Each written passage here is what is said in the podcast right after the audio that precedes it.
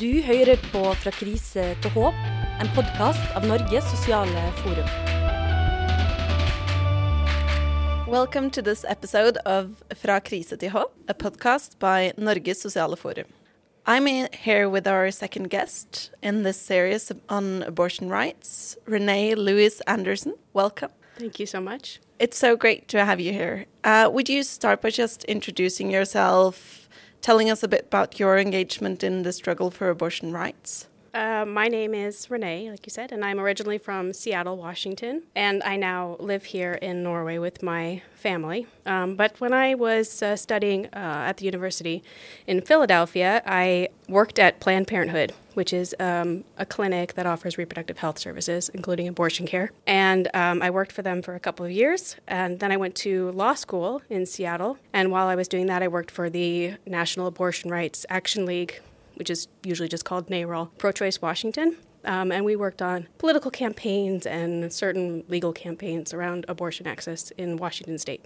And then when I moved here in Norway, I joined the uh, board for Women's March Norway. So I'm continuing to work on uh, reproductive health and um, access to abortion care. It's great to hear. And we're so glad to have, have you on our podcast to talk about abortion rights and the access to those rights in the US. I mean, I believe that many of our listeners, me included, have we've kind of heard about the Texas heartbeat law. We know that something is happening in Mississippi, but we don't really grasp like the whole situation. So we're happy to have you here to explain to us how it all pieces together. Last episode, we talked to Berit Austveg, who's the chairperson of Sex og Politikk, the IPPF Norway. And among other things, we discussed like the debate, discourses around abortion in Norway. And you do live in Norway, but you're from the US, like you said.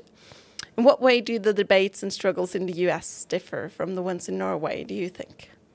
Well, I think there are three main differences. The first uh, really important difference is that our legal and political systems are very different than Norway's. Uh, so the way we talk about it and the way the law has been shaped around abortion has to do with those systems. Um, the first, I think that's important to understand, is that the United States operates on a system of federalism, which means that there are state governments and then there's the federal government. And this is really important to understanding how the abortion debate is in the United States because a lot of the legal battles are focusing on whether states have the authority to regulate abortion or whether the federal government can enforce abortion. So there's this big fight between which government has the authority. The second is that we are a common law legal system, which is different than Norway's civil law legal system.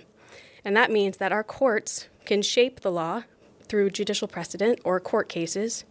And Supreme Court decisions are binding on all courts in all states. There doesn't have to necessarily be a law in the Constitution or a law passed in the state saying that we have a right to abortion. It uh, can be made through court cases. Um, and that's, a, that's different. So that has also um, shaped, I think, the debate um, because there is no federal law in the United States that says we have a right to an abortion. There's none. Uh, so we have relied on Supreme Court cases. That's where our rights come from. Um, and that's, I think, what's really challenging right now is that we are waiting for some more Supreme Court cases that could overturn all of those rights. So there were two landmark uh, court cases that were really important. The first was called Griswold v. Connecticut. And this was when there was a state law in Connecticut that said that it was criminal to provide married women with contraception. And the Supreme Court found that there was a constitutional right to privacy between a married couple to make that decision themselves. And this was kind of the first uh, privacy right that was found in the Constitution. The second is Roe v. Wade, which was the biggest abortion decision. So, anytime you're hearing about abortion debate in the United States, you're going to hear Roe or Roe v. Wade. And that was a decision in 1973 that basically the Supreme Court said that a woman has a right to privacy to make a decision whether or not to have an abortion up until fetal viability. And they set apart a three part test. The first was no states can put any restrictions on abortion in the first trimester. There was a limited number of restrictions acceptable in the second, and states have a, an interest in regulating the third trimester. So, in most of the states in the US, third trimester abortions are banned. And this has been precedent for 50 years now. So when we have court cases continually challenging this, I mean, this is the question should we overturn all of those rights or can we hold on to them? So I think that was the, the main difference in the systems. The other big difference is the politicalization and the weaponization of abortion in the United States. in politics, in the legal system, and in civil society in general. And you'll notice that in US elections, abortion is the biggest issue. I mean, it's one of the biggest. Both parties have a platform. The Republican Party has a very anti abortion platform. They have promised to put judges on the court who will be dedicated to overturning Roe v. Wade. There's a lot of money that goes into these elections to fund these kinds of uh, campaigns. Uh, and the anti abortion movement is very powerful. It's politically connected, it's well funded, they're very well organized, and they've done a very good job of framing how we talk about abortion in the United States. For example, they're really good at using terms that can really grab an emotional response. So a few years back, there was um, this push for something called a partial birth abortion ban. This doesn't exist. There's there's no medical term for this. There's no partial birth abortion, but it was really strong language, and it created this kind of graphic image, and it led to a lot of anti-abortion sentiment, some extremism, some radicalizing of people um, in the anti-abortion movement, and they, so they've worked really good at framing this. And I would say that they put a lot of healthcare providers in danger. It put a lot of activists in danger. When I worked at Planned Parenthood in Pennsylvania, we worked in completely bulletproof buildings, high security. You couldn't even get through doors without having three different security codes. I mean, it's very high security because there were a lot of death threats and bombings of the clinics. It was it was very radicalized. Um, it is also really stigmatizing and dehumanizing. I also worked as a uh, clinic escort at Planned Parenthood, and I tried to help women get through mobs of crowds who were yelling at us, screaming at us, calling us murderers, all kinds of things. And that you can imagine how traumatizing this is for women who need just any kind of uh, reproductive health care. I mean, most women who were going into the clinic weren't even going in for abortion care at all. Um, but we had to move through these mobs to just get into the clinic doors. And it was really, it's really, um, it's really sad to see how stigmatized and dehumanizing it is in the US. And lastly, um, I think you know our healthcare systems are very different. So we don't have a public healthcare system. Um, and there are many people who don't have any kind of health insurance, have no access to basic healthcare, and they really depend on some of these clinics for basic reproductive health services. So those are my the main differences I see. It's really interesting. I mean, it's in one way it's a completely different situation in the US than from Norway. But you hear you talk about how feelings and those arguments are being used? Uh, Berit, and in our last episode, said that it's in many ways it's the same in Norway. Those that want to ban them, they only talk about late portions. They talk about um, sorteringssamfunnet, which I don't really know the English term for, but these kind of things that appeal to our feelings and they don't talk about the regular abortions like the most common abortions, but they only talk about those that they know will kind of provoke and make us feel that abortion is terrible and it's wrong and it's ugly. Mm. And in the United States, I mean, 90% of abortions are in the first trimester. Um, and I would say that when there's more restrictions and you're requiring women to go to completely different states or to have waiting periods, you're going to have an increase in second term trimesters abortions. So, I mean, it, it all kind of yeah, it goes together, and they really do focus on these last ones. I mean, and, and third trimester abortions are not allowed in the United States unless it's to save the mother's life or health.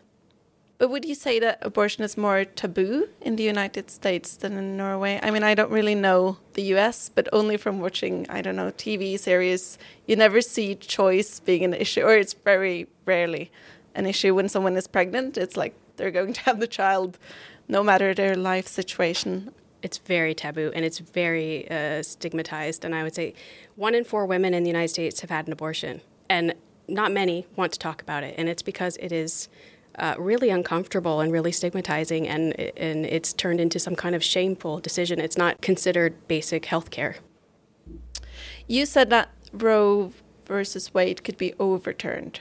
What what would have to happen for it to be overturned? What, how does that work?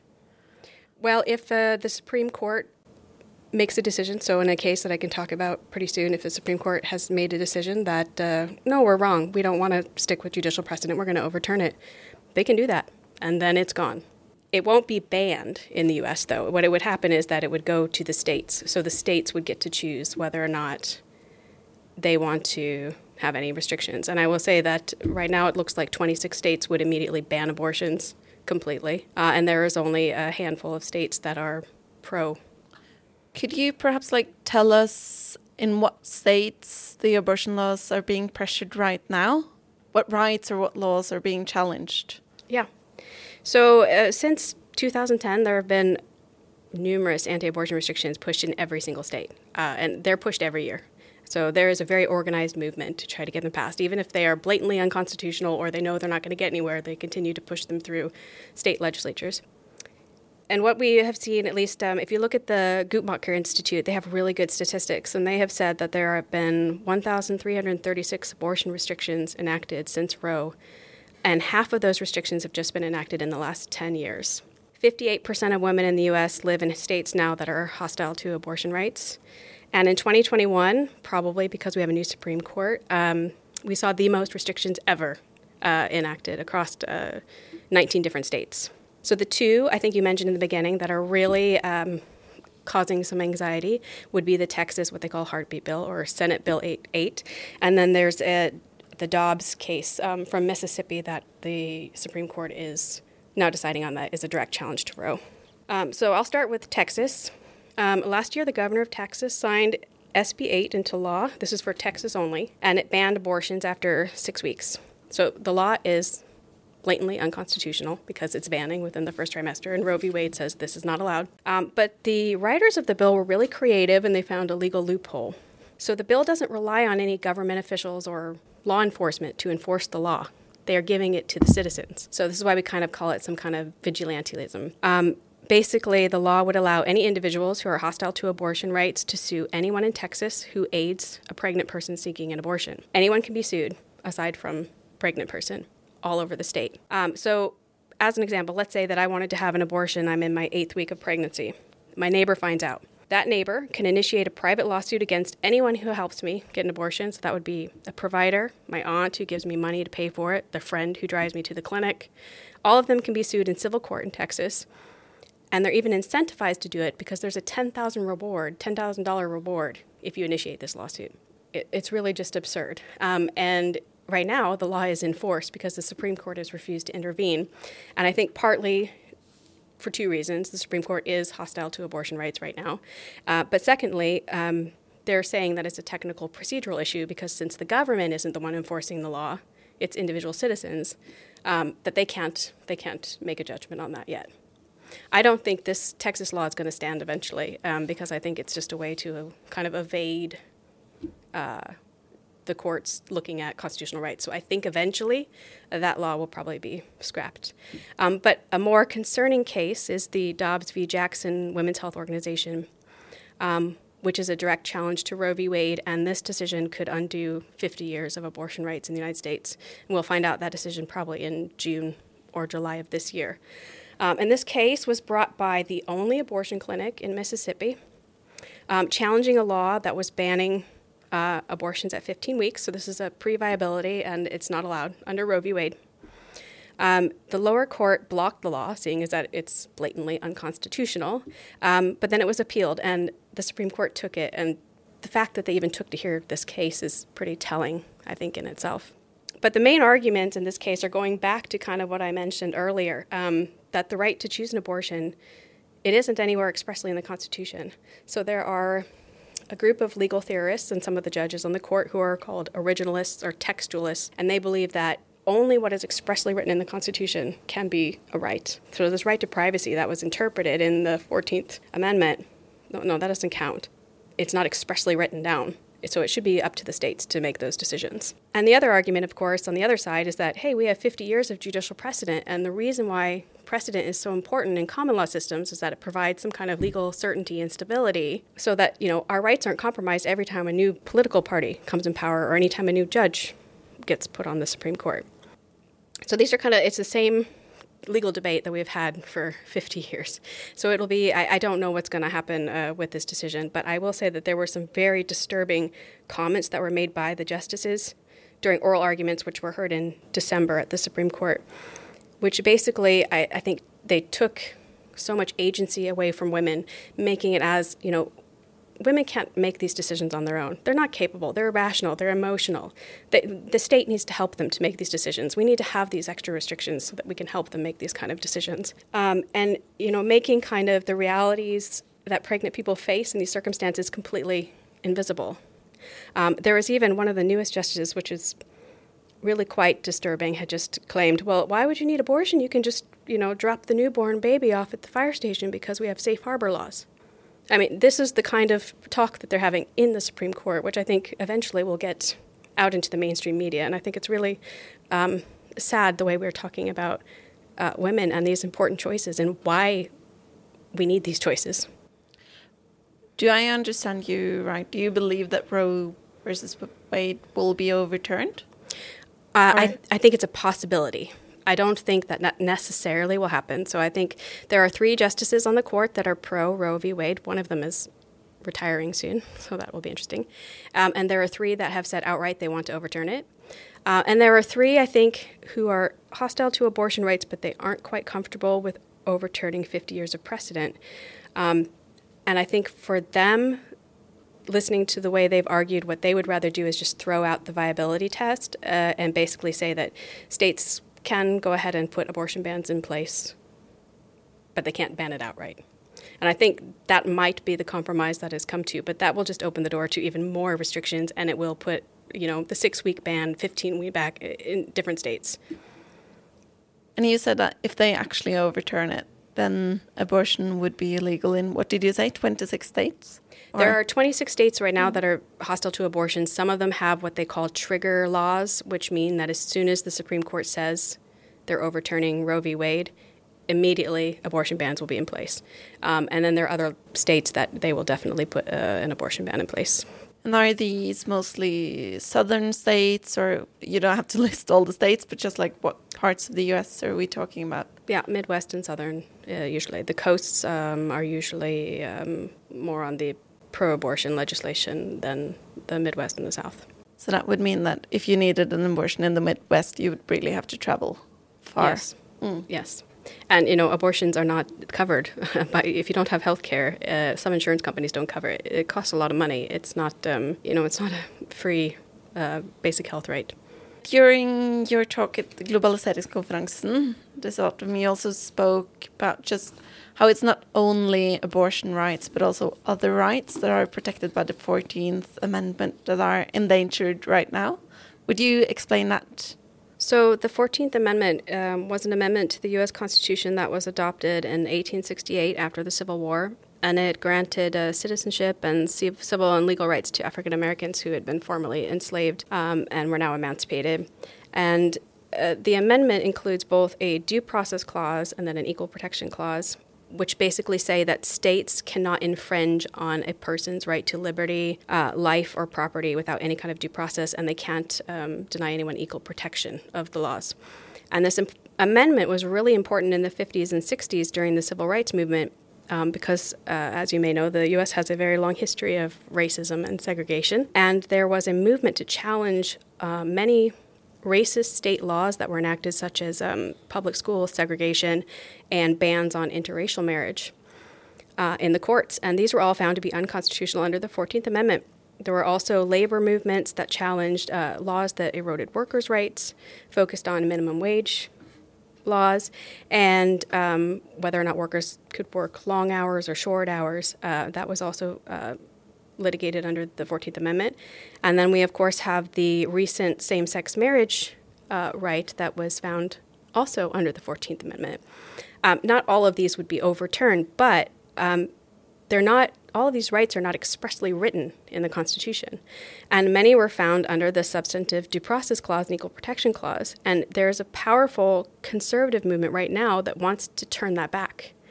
Um, where these laws should be left up to the states and there would be no federal protection at all, that these, these rights would disappear. And I feel very confident in saying that if Roe v. Wade was overturned, um, it would not be long before the same sex marriage uh, right would be overturned as well.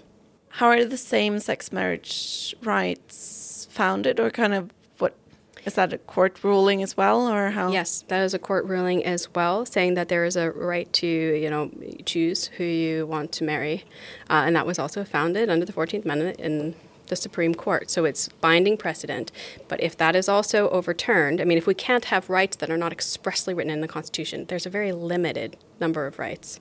Uh, you know, the first 10 amendments. That's it. so all of those rights will go to the states, and the states could choose hey, we want to uh, outlaw abortion, we want to outlaw same sex marriage. Uh, they could put a lot of different things on, and the federal government would not be able to go in and say, no, you can't do that. So, this is, I mean, this is not just about abortion. It, it, racism, classism, homophobia, misogyny, these are all, you know, problems that are deeply ingrained in US American culture, and they're all playing a part in this movement to deprive many of us of some basic human rights. I wanted to ask you a bit about the anti abortion or the pro life movement, as mm -hmm. they call themselves. Um, what groups constitute the anti abortion movement in the US and who funds them? Because you, you said that they were well funded.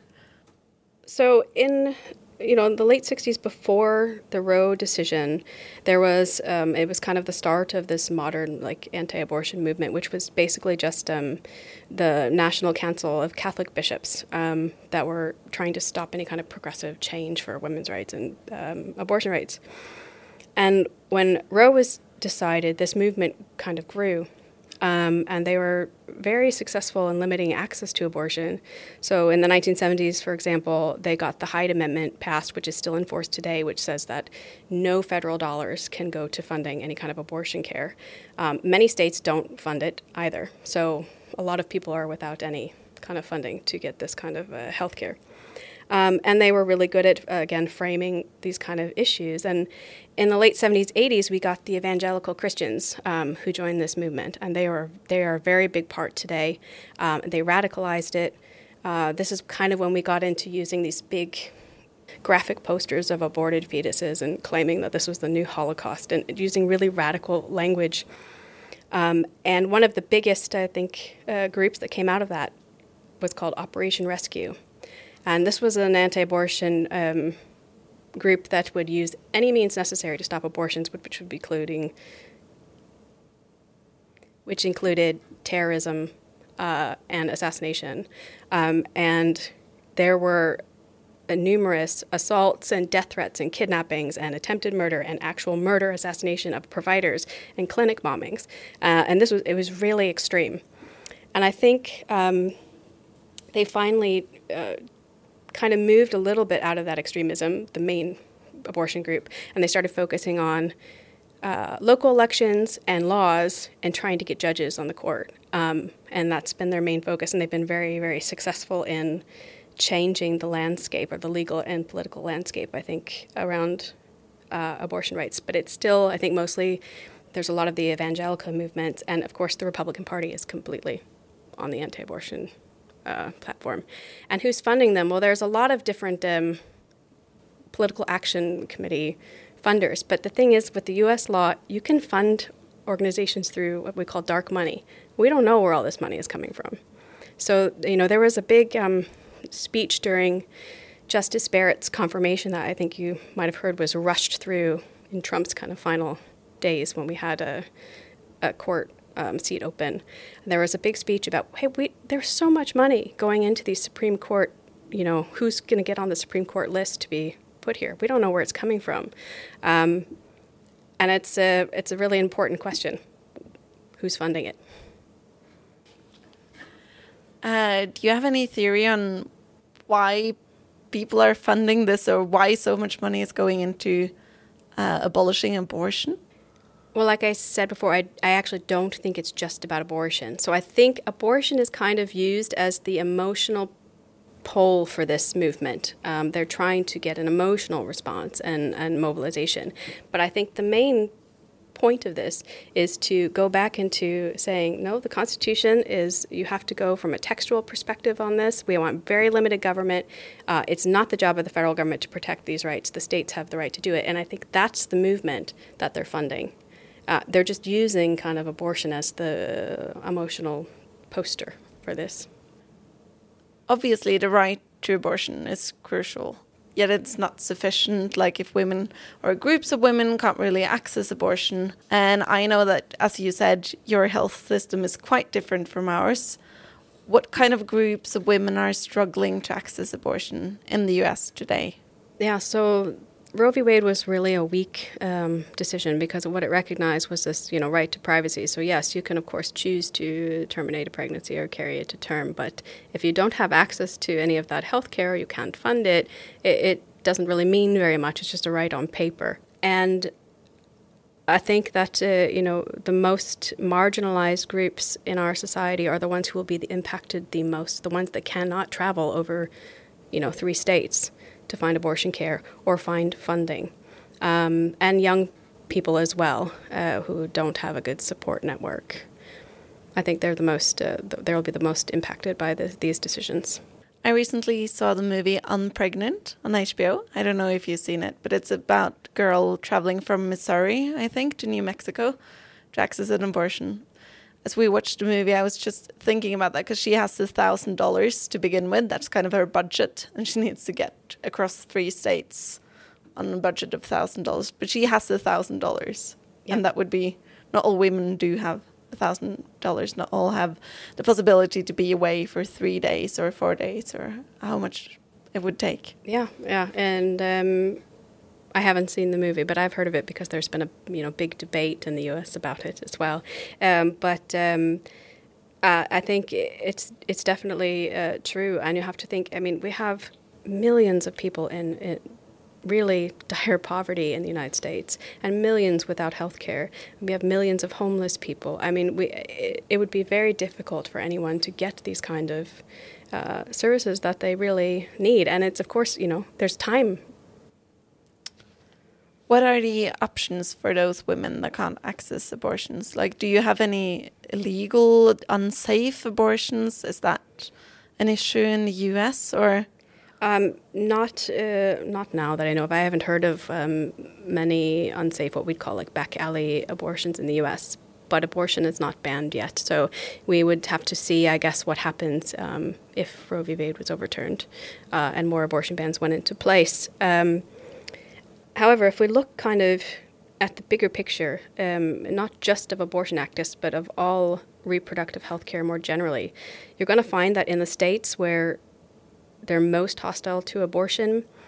Um, they're also hostile to any kind of sex education, contraception, any kind of family planning services, any support for low income people to access reproductive health care. So, this, all of this has a real um, impact on reproductive health. Uh, and they have shown links that most of these states also have really high rates of maternal mor- mortality and infant mortality and usually uh, in the African American community, um, due to a lot of structural racism and uh, and that kind of thing. So I think um, there is an impact that you're going to see when you have these kinds of restrictions in place.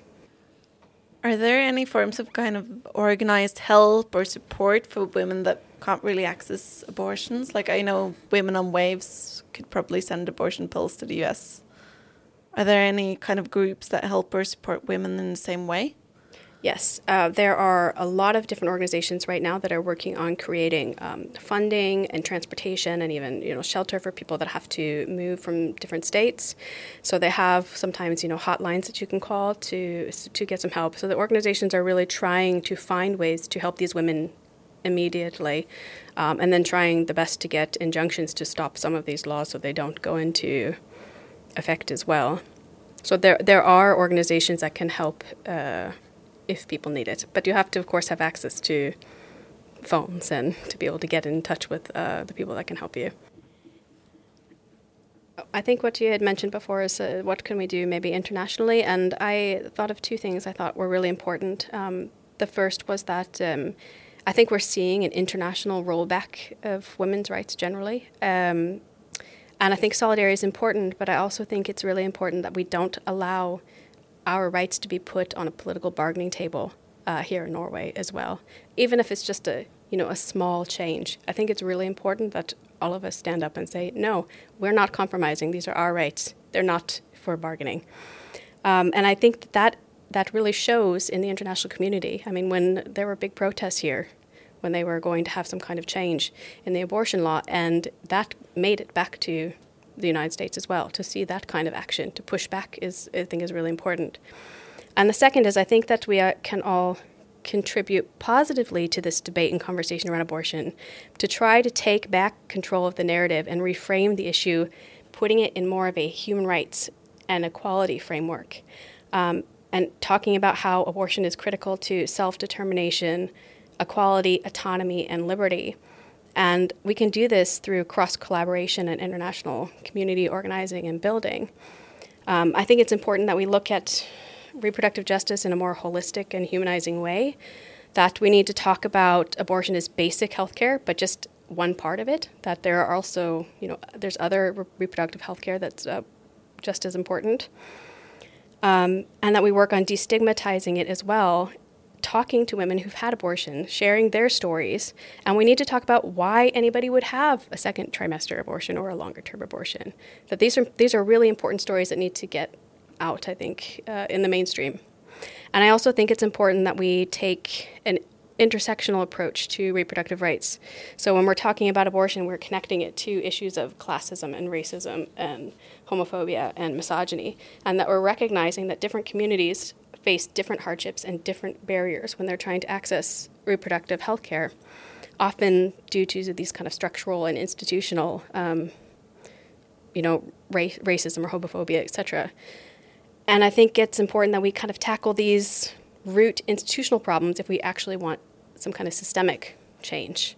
Um, and you know, women of color have been saying this for decades, especially to us in the United States, and um, I think that they really uh, should be leading this movement and we can be learning from them. And there are so many great uh, organizations in the US right now that are really focusing on this more systemic change and looking at a more holistic view of reproductive health rights. So, to sum it up, as feminists in Norway to support women in the US, we can express solidarity, we can protect our own rights, and we can smash the system. Yeah, yeah. pretty much. Thank you so much, Renee, for, for joining us. I've certainly learned a lot. And thanks to Sigrid Lise Høek, who is producing this episode. And as always, thank you to Manifest for loaning us their studio. Du har hørt podkasten Fra krise til håp fra Norges sosiale forum. Er du spørsmål til denne episoden, kan du sende det til podkast.globalisering.no. Flere episoder hører du der du hører podkast.